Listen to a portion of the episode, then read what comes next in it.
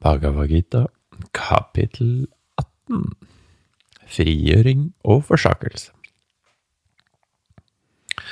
Arjuna sa, Jeg ønsker å vite sannheten om forsakelse, sanyasa, og om oppgivelse, tyaga, Krishna. Hva er forskjellen mellom dem? Krishna sa, de vise sier at forsakelse, sanyasa, er å forsake begjærlige handlinger. De klart seende sier at oppgivelse, tiaga, er å oppgi alle handlingers frukter. Noen kloke mennesker sier at handling, karma, er beheftet med ondskap og må oppgis. Andre sier at ofringer, veldedighet og botsøvelser er handlinger som ikke burde oppgis. Nå skal du høre hva jeg mener om oppgivelse, Arjuna, du løve blant menneskene. Det finnes tre typer oppgivelse. Handlinger som ofringer, veldedighet og botsøvelser burde aldri oppgis, men utføres. Ofringer, donasjoner og botsøvelser er renselse for de vise. Ofringer, veldedighet og botsøvelser må imidlertid utføres uten binding til handlingenes resultater. Dette er uten tvil min høyeste mening, Arjuna. Å forsake obligatoriske handlinger er galt. Å oppgi dem fordi man er forvirret, sies å være et utkomme av tamas, eller uvitenhetens mørke. Den som oppgir handlinger kun fordi de er vanskelige, eller fordi man frykter for sitt kroppslige velvære, utfører en forsakelse preget av rajas eller begjær. En slik forsakelse vil være resultatløs. Når en handling utføres fordi den må gjøres på grunn av plikt, Arjuna, og uten at det er noen tilknytning til handlingenes følger, da sies dette å være en forsakelse som er preget av sattva, eller godhet. Forsakeren skyr ikke uønskede handlinger og knytter seg ikke til ønskede handlinger. Det vise mennesket er fylt av sattva eller godhet og har ingen tvil. Det er jo slik at de som har en kropp, ikke kan oppgi handlinger helt. En forsaker er derfor en som oppgir handlingenes frukter. Når man dør uten å ha forsaket handlingenes frukter, er fruktene enten gode, dårlige eller blandede. For forsakerne, derimot, finnes det ingen frukter. Lær fra meg de fem årsakene til suksess i alle handlinger, slik de er fremsatt i Sankhya-filosofien, du sterkarmede Arjuna. Kroppen, handleren, de ulike handlingsorganer, de forskjellige aktiviteter, og for det femte, skjebnen, daiva. Disse er de fem årsakene. Uansett hvilke rette eller gale handlinger et menneske igangsetter med legeme, talen eller tanken. Derfor, den som av umodenhet ikke har forstått, og som ser selve som den eneste handler, den ser ikke og er en tåpe. Den som er uten egoisme, og som har en feilfri forståelse, vil ikke drepe disse menneskene selv om han dreper dem, og vil ikke bindes av handlingenes frukter. Handlingen settes i gang av tre faktorer viten, det man har viten om, og den som vet. Redskapet, handlingens utførelse og handleren er handlingenes tresidige sammensetning. Kunnskap, handling og handler skilles fra hverandre på bakgrunn av disse gunaer eller egenskaper i læren om gunaene. Hør, for nå skal jeg fortelle sannheten om dette. Den kunnskap som går ut på at man ser et evigvarende vesen i alle ting, som er udelt i verdens forskjellige oppdelinger. Vit at denne type kunnskap er sattvisk. Den kunnskap som går ut på at man derimot ser forskjellige vesener av ulike slag i alle ting, vit at denne kunnskap er rajasisk. Videre er den kunnskap som går ut på at man binder seg til én side av saken, som om det er det hele, selv om den er både ubetydelig og uten mål eller mening, sies å være tamasisk. Den handling som er behersket og uten tilknytning, og som utføres uten begjær, frykt eller forventning om resultater, denne handling er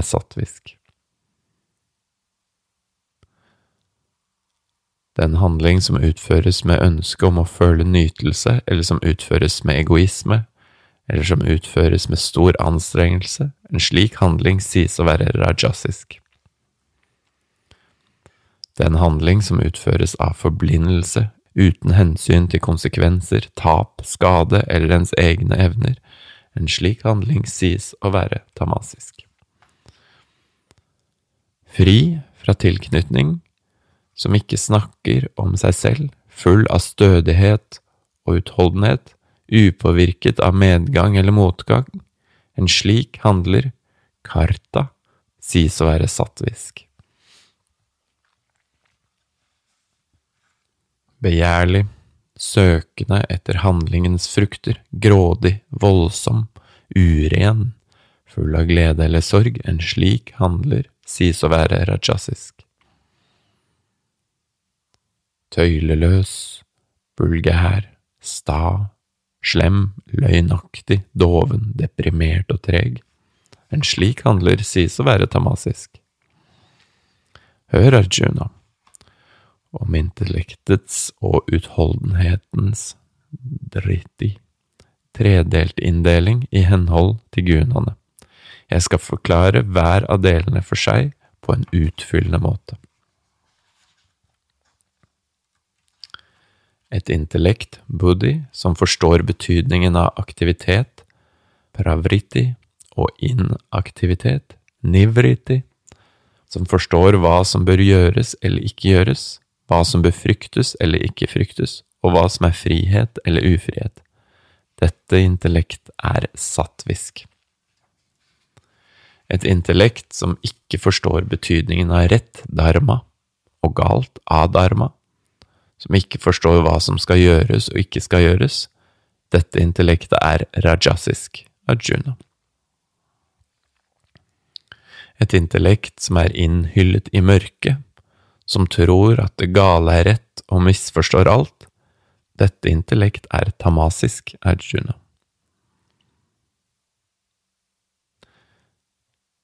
Den ufravikelige utholdenhet, dritti, som man gjennom yoga bruker for å temme sinnets, pustens, prana og sansenes aktiviteter. Denne utholdenhet er sattvisk arjuna. Den type utholdenhet som kjennetegnes ved at man holder fast på grunn av plikt, begjær og rikdom, og gjennom tilknytning streber etter resultater, denne utholdenhet er rajasisk arjuna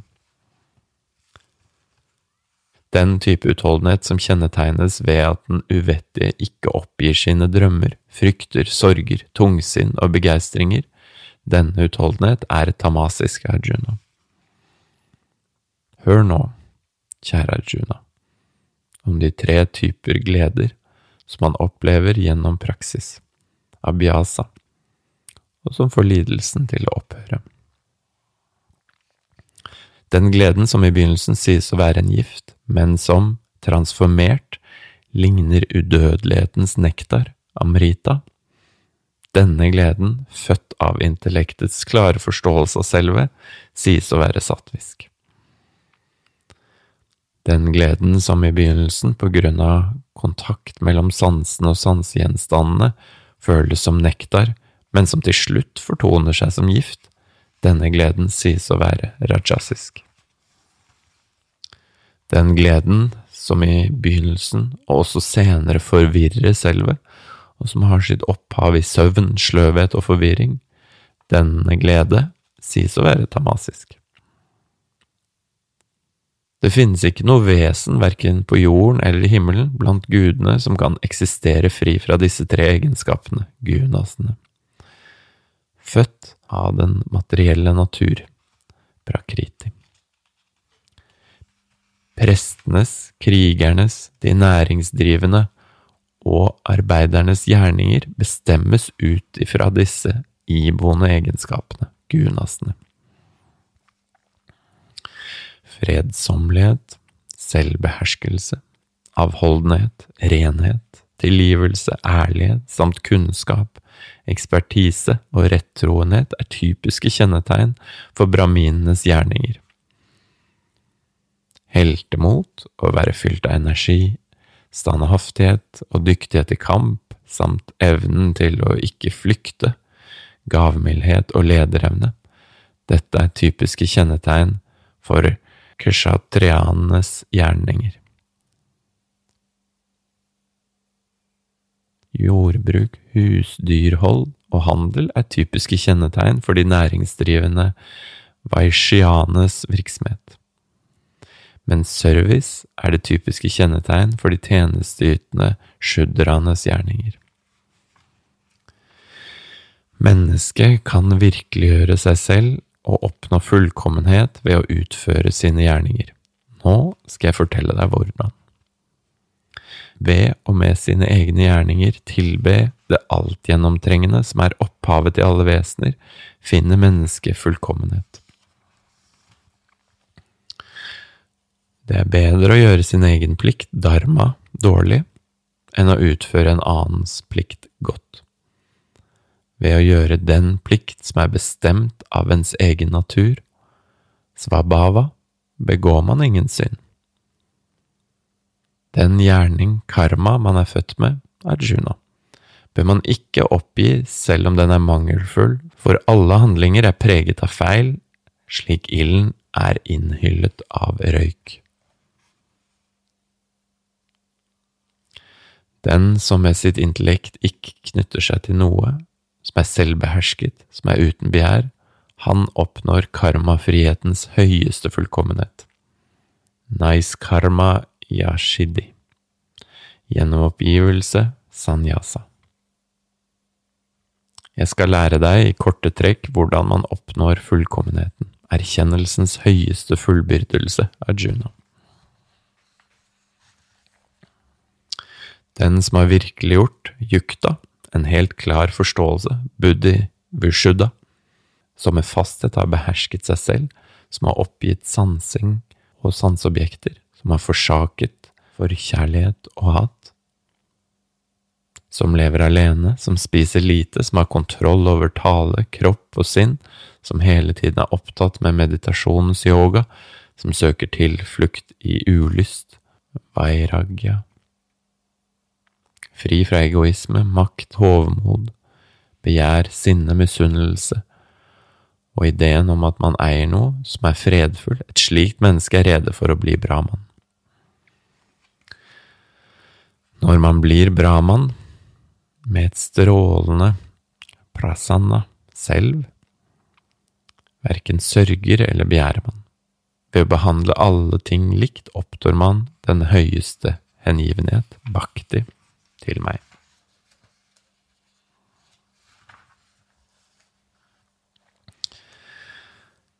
Gjennom hengivenhet kjenner han i sannhet hva jeg er. Ved å erkjenne meg slik jeg virkelig er, vil han umiddelbart bli ett med meg. Ved å utføre alle handlinger og samtidig søke tilflukt i meg, vil man gjennom min nåde nå den evige og udødelige tilstand.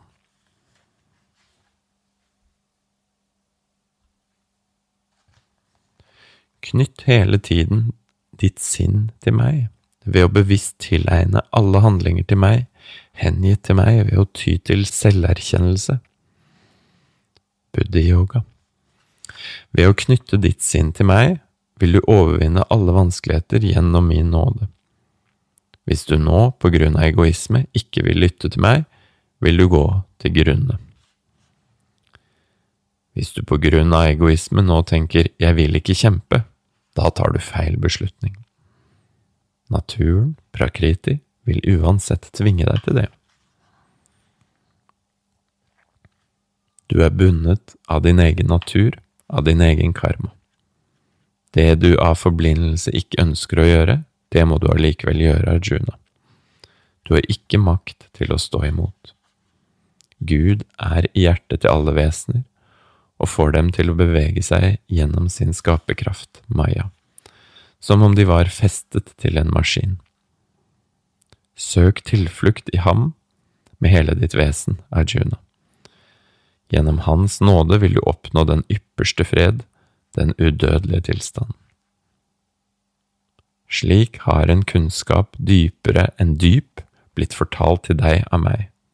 Samle tanken din om dette, og gjør så som du ønsker. Lytt enda en gang til mine ypperste ord, min dypeste kunnskap. Siden jeg er så glad i deg, vil jeg fortelle deg hva som er det beste for deg å gjøre. Fyll ditt sinn med meg. Hengi deg til meg, gjør ofringer til meg og tilbe meg. Du vil komme til meg, det lover jeg sannelig. Jeg er glad i deg. Forsak alle ting og søk kun tilflukt i meg. Jeg vil redde deg fra all ondskap, vær ikke bekymret. Dette må aldri fortelles til en som ikke gjør botsøvelser, til en som ikke er hengiven, til en som ikke ønsker å høre, heller ikke til en som taler nedsettende om meg. Den som med den høyeste hengivenhet til meg underviser mine tilhengere, vil utvilsomt komme til meg. Ingen kan gjøre en mer dyrebar tjeneste for meg enn ham, og ingen på jorden vil være meg kjærere. Og den som skal studere denne samtalen vår gjennom det rette, dharma, han har tilbedt meg gjennom erkjennelsens offerhandling. Det er min overbevisning. Til og med det mennesket som med tro og uten hån måtte høre denne samtale, han vil også bli fri og vil oppnå de lykkelige verdener til dem med god karma. Har dette blitt hørt av deg, Arjuna, med et konsentrert sinn? Har din uvitenhet og din forvirring nå forsvunnet? Arjuna sa, forvirringen er borte, og jeg har fått fastheten i sinnet mitt tilbake gjennom din nåde, du store, uødeleggelige. Jeg står her uten tvil, jeg vil gjøre som du sier. Sanjaya sa, slik hørte jeg denne samtalen mellom Krishna og den storsinnede Arjuna, en samtale så vidunderlig at den får hårene til å reise seg av fryd. Gjennom Vyasas nåde har jeg hørt om denne ypperste og hemmelige yoga, som er fortalt direkte av selveste Krishna, yogaguden. Konge, ved å minnes denne vidunderlige, hellige samtalen mellom Krishna og Juna igjen og igjen, kommer jeg i gledesstemning gang på gang. Ved å stadig tenke på Krishnas herlige vesen fylles jeg av stor undring, konge, og jeg fryder meg igjen og igjen. Hvor enn yogaguden Krishna er, hvor enn bueskytteren Arjuna er, der vil det være herlighet, seier, rikdom og rettferdighet. Det er min faste overbevisning.